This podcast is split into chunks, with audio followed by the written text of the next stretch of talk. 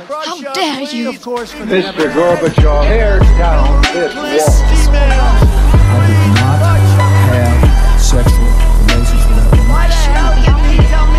Read my lips. Hell yes, we're gonna take your AR-15. It's I have a dream. Thank you. Ny uke i eh, statsvitenskap og sånt, og eh, flere skandaler. Vi, eh, vi får kjøre en liten uh, oppsamlingspodkast i, eh, i dagens eh, episode, tenkte vi. Litt sånn eh, sette Altså, statsvitere og akademikere generelt er jo ofte glad i å kontekstualisere. Så vi tenkte vi skulle kontekstualisere i dag, Harald, og se på mm, Inspirert av alle disse politiske skandalene, se litt bredere òg, for det er jo ikke bare i Norge at det er politiske skandaler. Og vi kan vel kanskje også slå fast at det er faktisk noen hakk verre i, i det store utlandet, uten at det på en måte, det på en måte hjelper noe. Men eh, vi, kan, vi kan jo bare starte på hjemlig eh, arena uansett, for det, det har jo ikke akkurat roa seg rundt Erna Solberg nødvendigvis, eh, selv om eh, da de har forsøkt å komme ut og svare opp en del ting. Det siste som kom nå, var jo Bergens Tidende som eh, kunne vise til at det finnes eide aksjer også i Valenius Wilhelmsen eh, rederi, eh, og eh, eh, i den perioden så spilte også Erna Solberg inn da, som statsminister en video eh, hvor hun også hyllet dette selskapet. Eh, og så mener Erna sjøl at eh, i, all ydmykhet at en videohilsen fra Erna Solberg som statsminister nok ikke hadde så veldig mye å si for verdien av selskapet.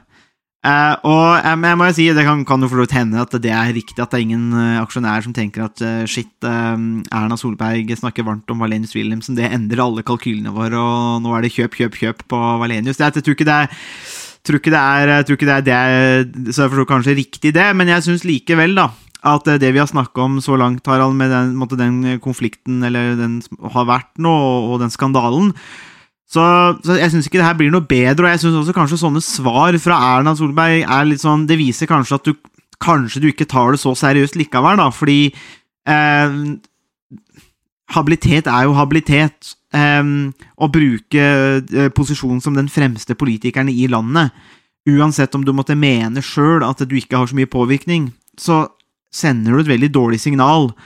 Eh, og jeg føler jo liksom at jeg så, og jeg har sett at det er flere politiske kommentatorer, i hvert fall, men ikke i, i NRK og de største, men har vært villige til å si det. Men Snorre Valen og andre, at det, det er litt bekymring for at eh, diskusjonen vris vekk fra det den egentlig burde handle om. Altså Det handler om at Erna Solberg at det er en sånn personlig krise, og at hun har gjort fryktelig mange intervjuer, at dette er tøft. Og det det er greit, men det handler jo fortsatt om dette med å ta ansvar.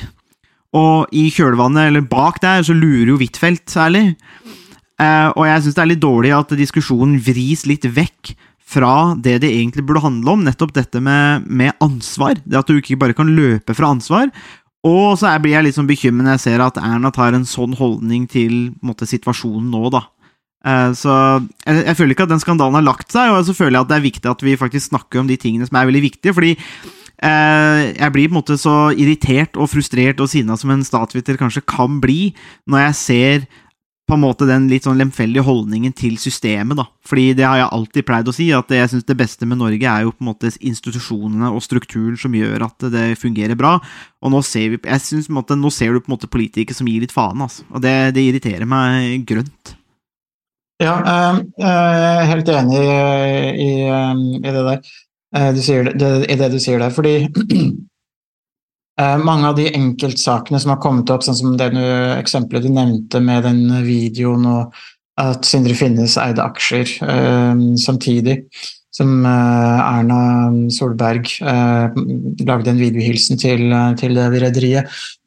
Mange av de eksemplene er egentlig litt trivielle, og det er, jo også som du sier at det, det har lite å bety for selve investeringene til Sindre Finnes og også til andre aksjonærer eh, som kunne vurdert å investere i det, det rederiet. Eh, Fordi det, er, det blir en distraksjon eh, fra spørsmålet om ansvar.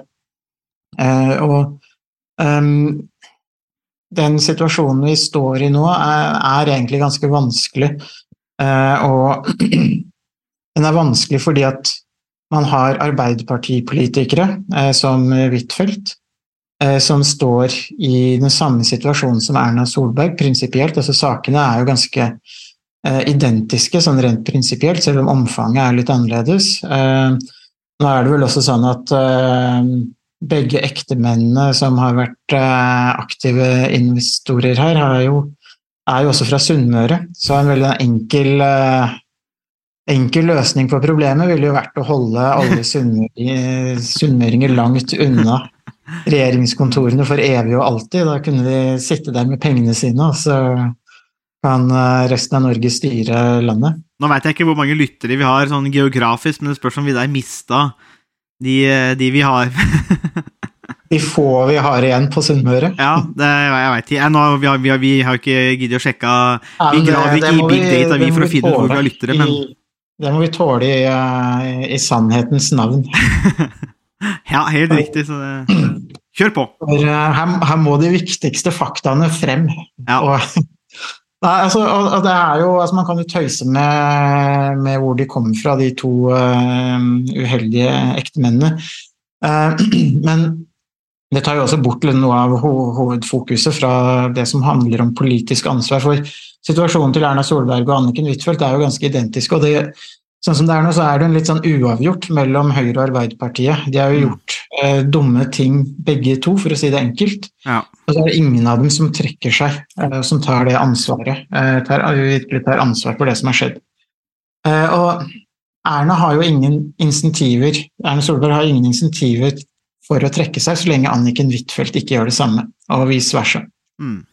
Eh, og det her er et stort problem, eh, fordi at for Erna Solberg så er det litt enklere, eh, fordi hun ikke er statsminister. eh, Og eh, da er det ikke noe Da er det ikke et, et veldig Da er ikke presset så stort, men Ropstad trakk seg jo som KrF-leder etter de pendlerboligskandalene, og det var jo en mye, mye mindre skandale enn eh, det vi står overfor nå. Mm, det var jo det. Så egentlig burde både Huitfeldt, Tonje Brenna og Erna Solberg de burde trekke seg alle, alle tre. Eh, Fordi da ville det, man fått et, en mye tydeligere plassering av det politiske ansvaret. Mm. Det ville vært lettere for både Arbeiderpartiet og Høyre å gå videre. Eh, Dersom Arbeiderpartiet eh, taper valget eh, om to år, eh, hvordan kan de da kritisere eh, fremtidige politiske skandaler eh, i en ny, eventuell ny høyreregjering. Mm. Eh, Det, det, det innebærer at vi ikke har, vil ha noen effektiv opposisjon, og det innebærer eh, det samme i dag. Vi har ingen effektiv opposisjon. Det er Rødt og Frp som er de to partiene som eh, har vært tydeligst i kritikken både av Erna Solberg og av eh, eh, det som har skjedd i Arbeiderpartiet. Mm. Eh, Og det er et problem at eh, de to største partiene ikke kan fungere som effektive regjeringspartier eller effektive opposisjonspartier. Så for demokratiet og de demokratiske institusjonene så er det her en, eh, en, ganske, en ganske alvorlig situasjon, og mer alvorlig enn mye av det mm, som har, kommet, som har blitt skrevet om disse skandalene fra politiske kommentatorer og politikere og andre. Eh, her, hvis man ikke tar ansvar, eh, hvis ingen av de politiske partiene tar ansvar, så innebærer det også at man i praksis eh, endrer norsk statsskikk. Mm. Ja, men Harald, det er jo kjedelig å ta ansvar. Det, det Så må kan du kan ta forstå. grep, da. Det er jo eh, populært. Eller så kan de ta tak. Eller Ja. begge deler. det er jo egentlig, best, det. Uh, men nei, men altså, det er, det er et veldig Jeg er helt enig. Det er, det, er, det er et veldig godt poeng, og det er noe med det at eh, Og jeg tror grunnen til at vi også er så opptatt av det her i podkasten, og jeg tror kan det samme gjelder hvis du spør en rekke ulike statsvitere, så tror jeg en fellesnevner i svarene ville vært at institusjoner og denne stabile strukturen, at du kan stille folk til ansvar, altså de som har makt, det er så fryktelig viktig for et velfungerende demokrati. Um, og hvis du begynner å rokke ved det, altså den verdien av institusjonene, da, eh, velfungerende institusjoner, den verdien av det, den er så mye mer enn, eh, og høyere enn enn, eh, og, og kostnaden er så stor hvis det undermineres. Og, og det er jo litt sånn det, er jo, det er jo egentlig derfor vi er så opptatt av det òg. Altså, vi, vi snakker jo ikke om bare for at vi misliker politikerne, men det er noe med det at konsekvensene er, konsekvensene er så store da, hvis man underminerer systemet. og Det er så lett å ta det et velfungerende demokrati og velfungerende institusjoner for gitt, men de er jo kun velfungerende fordi at eh, de er bygd opp på en spesiell måte. Folk forholder seg til spillereglene og respekterer de rammene. Og en, en, del av det rammeverket er at du tar det ansvaret som ligger til din posisjon. Du kan ikke bare velge når du tar ansvar. og det det er liksom, ja, som du sier da, det er et problem for Arbeiderpartiet ikke sant, at uh, de er ute av stand til å kritisere Erna Solberg på noe som Erna burde kritiseres på, uh, fordi at de har prøvd å slippe unna med det samme. Uh, og det er jo liksom ja, Nei, det er, det er liksom Det er så råttent, da. Ja, og det, det, her er jo Jeg tenker en del Altså, det har vært framme blant annet Kristin Clemet og Harald Stanghelle Eh, har jo argumentert for at eh, vi tåler de krisene her fordi at vi har tillit til systemet, tillit til institusjonene. Eh, og man kan se på er de skandalene som har vært i sommer, alt fra solbrillenaskeri til aksjekjøp og inhabilitet og så videre, som eksempler på råtne epler i den store kurven, at vi har tillit til til kurven, at vi bare bytter ut de råtne eplene. Eh, men problemet med det, det argumentet som både Clemet og, og Stanghelle har eh, fremført, er jo nettopp det som vi har vært inne på nå, at når politikerne som Huitfeldt, eh, Brenna og Solberg velger å ikke trekke seg, og ikke ta det konstitusjonelle politiske ansvaret som de har, så rokker de ikke bare ved sin egen posisjon som politikere, men de er de også samtidig med på å rokke ved de institusjonene eller den selve kurven med de, eh, de uh, råtne eplene. Mm. Og da er det ikke bare eplene som råtner, men da sprer den råten seg til selve kurven. Og det er det som er faren med den type um, situasjonen som vi er i nå, fordi um, det er ikke bare eplene som, er, uh, som, står i fare for å bli råtne. Mm. Uh, det er også selve uh, kurven som kan, kan råtne. Eller for å, for å, dra bildet til Det norske hus, ja, det, er, det, er, jo kanskje ikke det, men det var det Jagland forsøkte å kalle det, så, så et annet bilde på det når du, når du nevner dette med, med kurven. Men um, jeg, eh, jeg eier jo et gammelt uh, tømmerhus, altså med stokker, uh, og der utsmykningene altså på, på, på, sidene som har stått for vær og vind, har blitt dårlig behandla av forrige eiere. Uh, så den, der er det uh, røter, da, rett og slett. Så i går så måtte jeg fram med saga og kappe de av. For å tørke ut resten av stokkene. Og problemet er jo det at hvis dette får lov til å spise seg innover, så må du bytte ut kanskje mer stokker, men til slutt så kan jo bygget også bli ustabilt. Så du må jo ta det der du kan, og kappe, av, eh, kappe vekk det som er råttent. Eh, slik at ikke det går videre, så det blir jo et slags bilde på det samme, egentlig. Men det var litt artig, fordi jeg kom i smaken på det nå, når du nevnte den, den samme greiene. Men et laftahus blir jo litt det samme, da.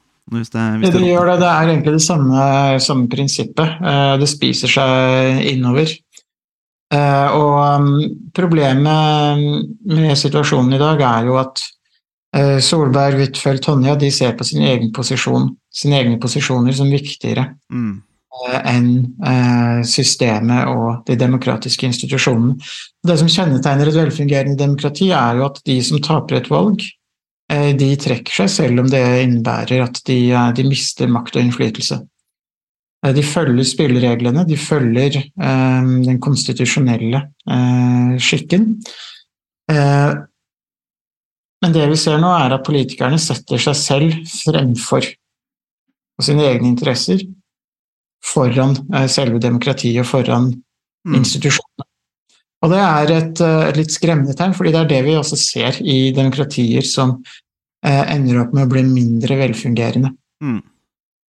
Der er det egeninteressen som trumfer de demokratiske eh, institusjonene. Eh, og det som, det som, gjør at mange Det som gjør at politikere trekker seg når de taper et valg, er jo nettopp det at de de har mer å tape på å ikke trekke seg mm. enn på å trekke seg. de vil tape økonomisk, politisk, eh, sosialt ved å ikke trekke seg fordi at man skaper et, eh, eh, et politisk kaos som vil være negativt for økonomien og politikken eh, og eh, den sosiale stabiliteten i samfunnet. Mm. Helt klart. Men vi kan jo vi, vi, vi kan jo bare ta den eh, når du nevner litt det der med måtte, veien mot et mer mindre velfungerende demokrati.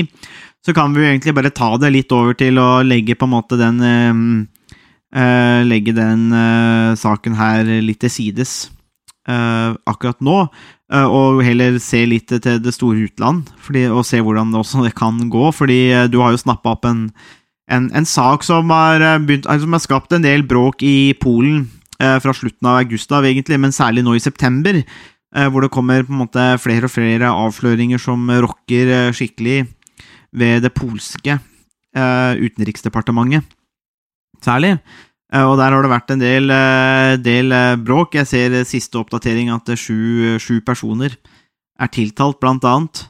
Så hva er det som egentlig skjer i Polen, Harald, som er relevant for vår kontekstualisering av politiske skandaler? Ja, det norske, De norske skandalene befinner seg jo i en ganske liten andedam. og Når man løfter blikket og ser på skandaler i en del andre land, så fremstår eh, litt eh, sånn eh, ekstrem spillegalskap, børsspekulasjon, som, som ganske som ganske uskyldig i forhold til det man ser. F.eks. I, i Polen, hvor, en, hvor dagens regjering har eh, fronta en veldig eh, tydelig eh, innvandringskritisk, politi eh, innvandring, innvandringskritisk politikk. Eh, de har vært veldig eh, tilbakeholdne og skeptiske mot å ta imot flyktninger, ikke-vestlige innvandrere, i det store og hele. Og de har argumentert for at ikke-vestlig innvandring er, med, eller er en trussel mot eh, det polske samfunnet. Og vært veldig tydelig i motstanden mot innvandring eh, i det store, store og hele. Og det har de så lenge de har regjert, eh, de siste to periodene. Eh, men så viser det seg eh, at dagens polske regjering muligens har solgt en lang rekke, masse visum til eh, indere eh, og folk fra en ikke-vestlig bakgrunn, eh, hvor de rett og slett har solgt Schengen-visum. Så disse menneskene kunne reise til Europa. Og de har da rett og slett tjent penger på å utstede visum og beriket seg selv på den måten ved å selge visum til ikke-vestlige eh, personer, som da kunne reise fritt til, eh, til Schengen. Og det her er jo eh, en politisk skandale eh, på to nivåer. Det ene er jo at man bruker politiske posisjoner til å berike seg selv.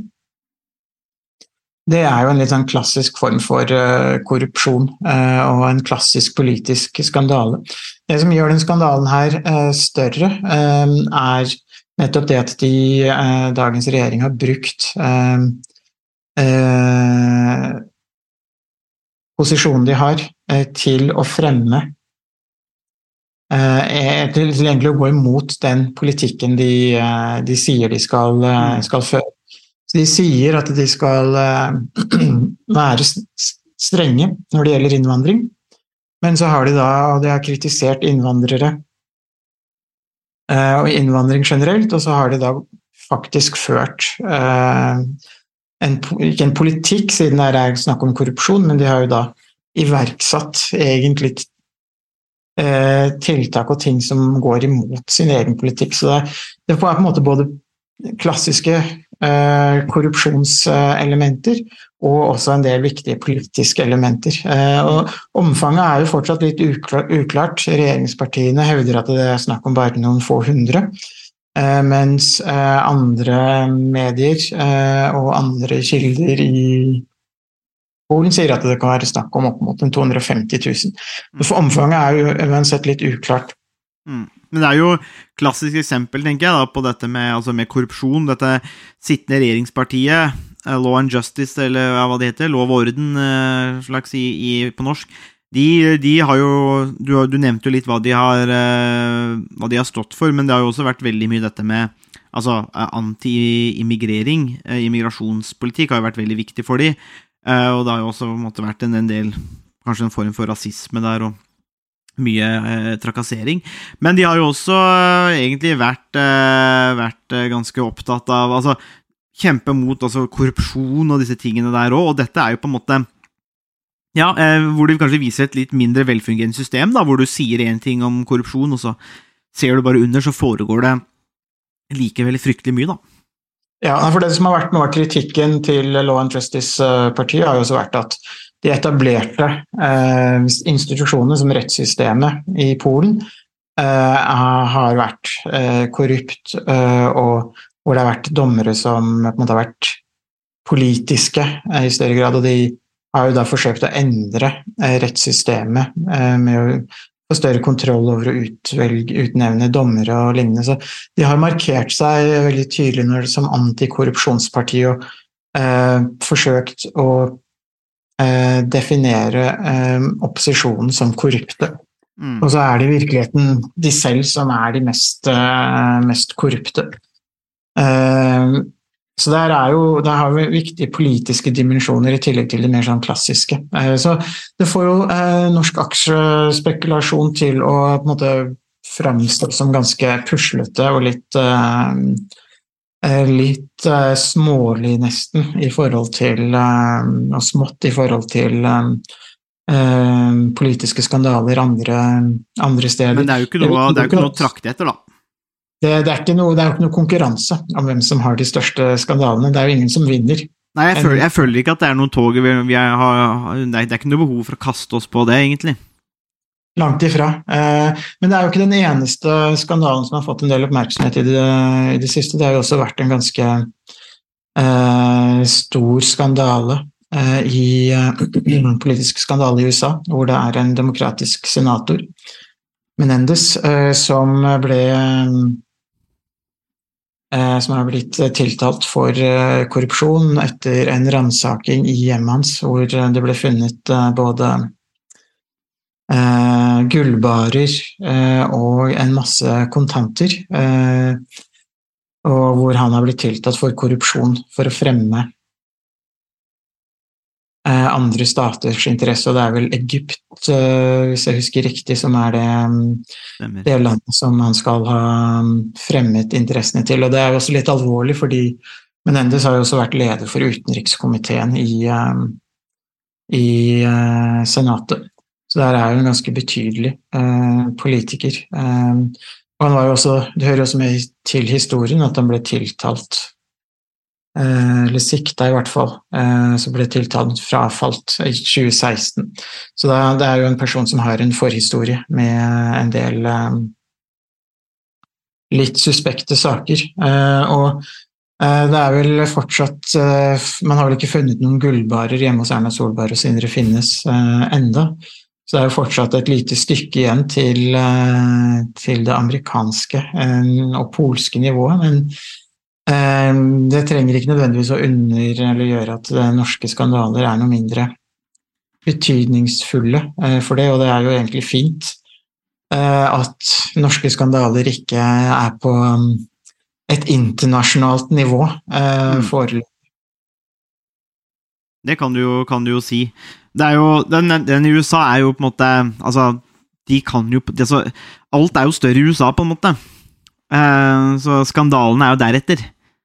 Uh, så det er jo litt spennende. Men jeg, sa, jeg, jeg satt akkurat og uh, bare så gjennom siste nytt òg på en For du har jo den, denne skandalen i USA, men det er jo også en skandale i Estland. Uh, med der Altså for statsministeren der, da, Kaja Kallas.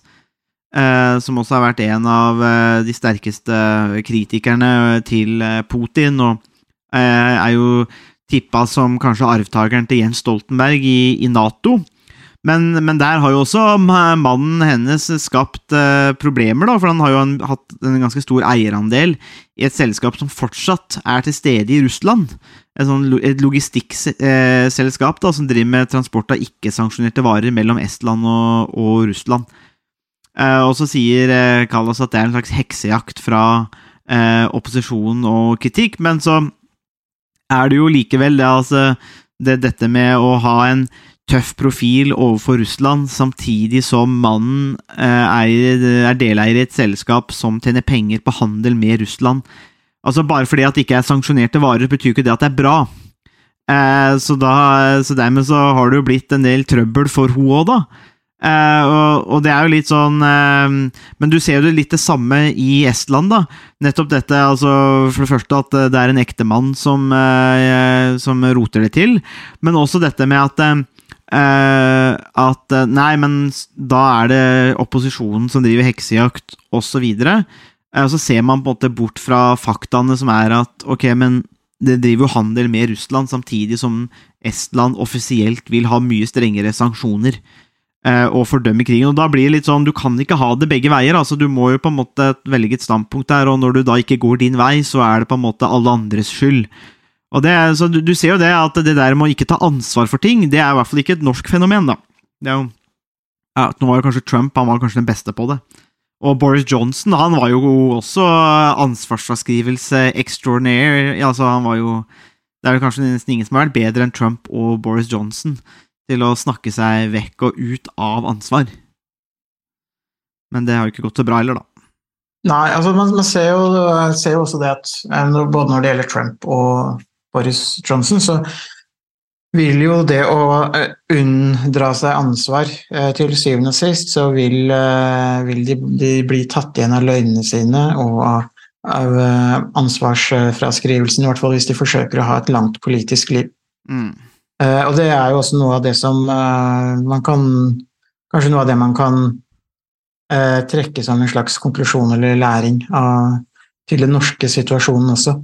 Mm. Hvis Erna Solberg og hvis Arbeiderpartiet og Huitfeldt og Brenna osv. Hvis de ønsker lange politiske liv, så er det lettere og det er bedre å ta ansvar ved å trekke seg, og så heller komme til, tilbake. Mm. Eh, Man kan eh, få tilgivelse fra både velgerne, partiet og så videre. Eh, Og den tilgivelsen kommer ofte lettere hvis man, hvis man trekker seg. Og hvis man ser at det får konsekvenser for de politikerne det, det gjelder. Og um, fristelsen er jo ofte for stor til å la være å trekke seg eller ta ansvar. Det, det så vi jo i, med, veldig tydelig med, med både Trump og Johnson. Eh, Trump var jo veldig uvillig. Eh, forlot jo eh, Det hvite hus veldig uvillig.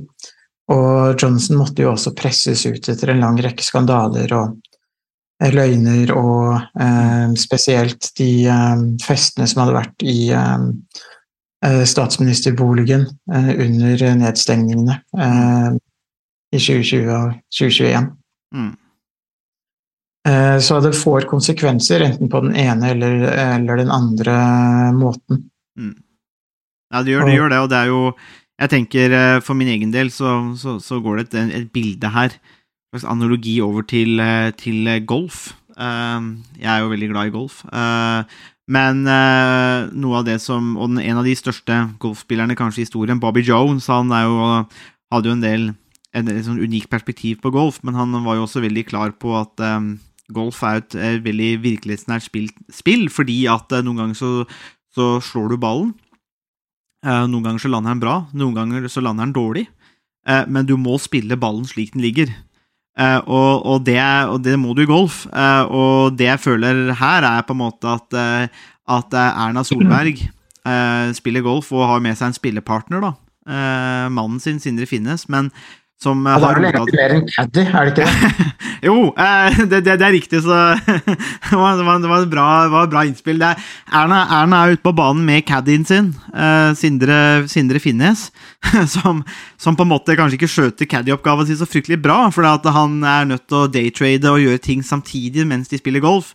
poenget er det at eh, i alt det kaoset der, så kanskje slår, eh, slår Erna en solid hook ut i, ut i skogen, og Sindre Finnes roter det til. Men istedenfor å spille ballen slik den ligger, så er det å ta med seg ballen ut på banen igjen i en bedre posisjon, og så hevde at ballen var aldri ute. Ballen var alltid midt i banen, den. Eh, det var bare noen andre som så feil, eh, og tolka det feil, og det er egentlig andres feil. Den ballen lå der, den. Eh, og, det tenker jeg er, på en måte det som skjer her, egentlig. Altså. Man, det, er, det, er, noen ganger, og det, og det, jeg tenker der med Erna, da, er jo det at det, er for så vidt ikke hennes skyld.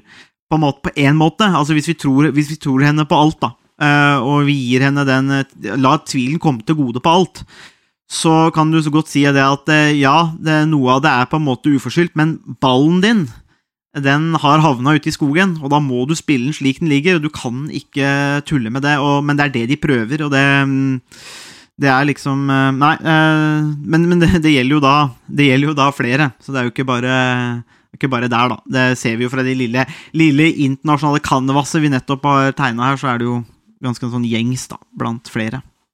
Ja, eh, Politiske skandaler er noe det er, det er, jo et fenomen som er fulgt eh, Som er på en naturlige delen av politikken.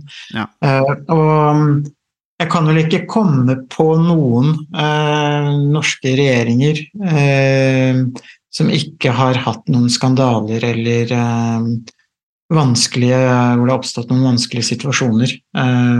så, så der er jo en del av politikken. og spørsmålet er ikke om Eh, det blir skandaler, men det er når det blir skandaler, og hvor alvorlige de, eh, de vil være. Men da er det jo nettopp da det er så viktig at den mekanismen eh, fungerer. Det at du tar ansvar for det. Altså når det kommer, ikke sant. Det er jo, det er jo, derfor, du, det er jo derfor, den må overholdes, da. Ja, det er, akkurat det. Eh, fordi da, da, vil systemet fortsette å være relativt eh, stabilt. Eh, mens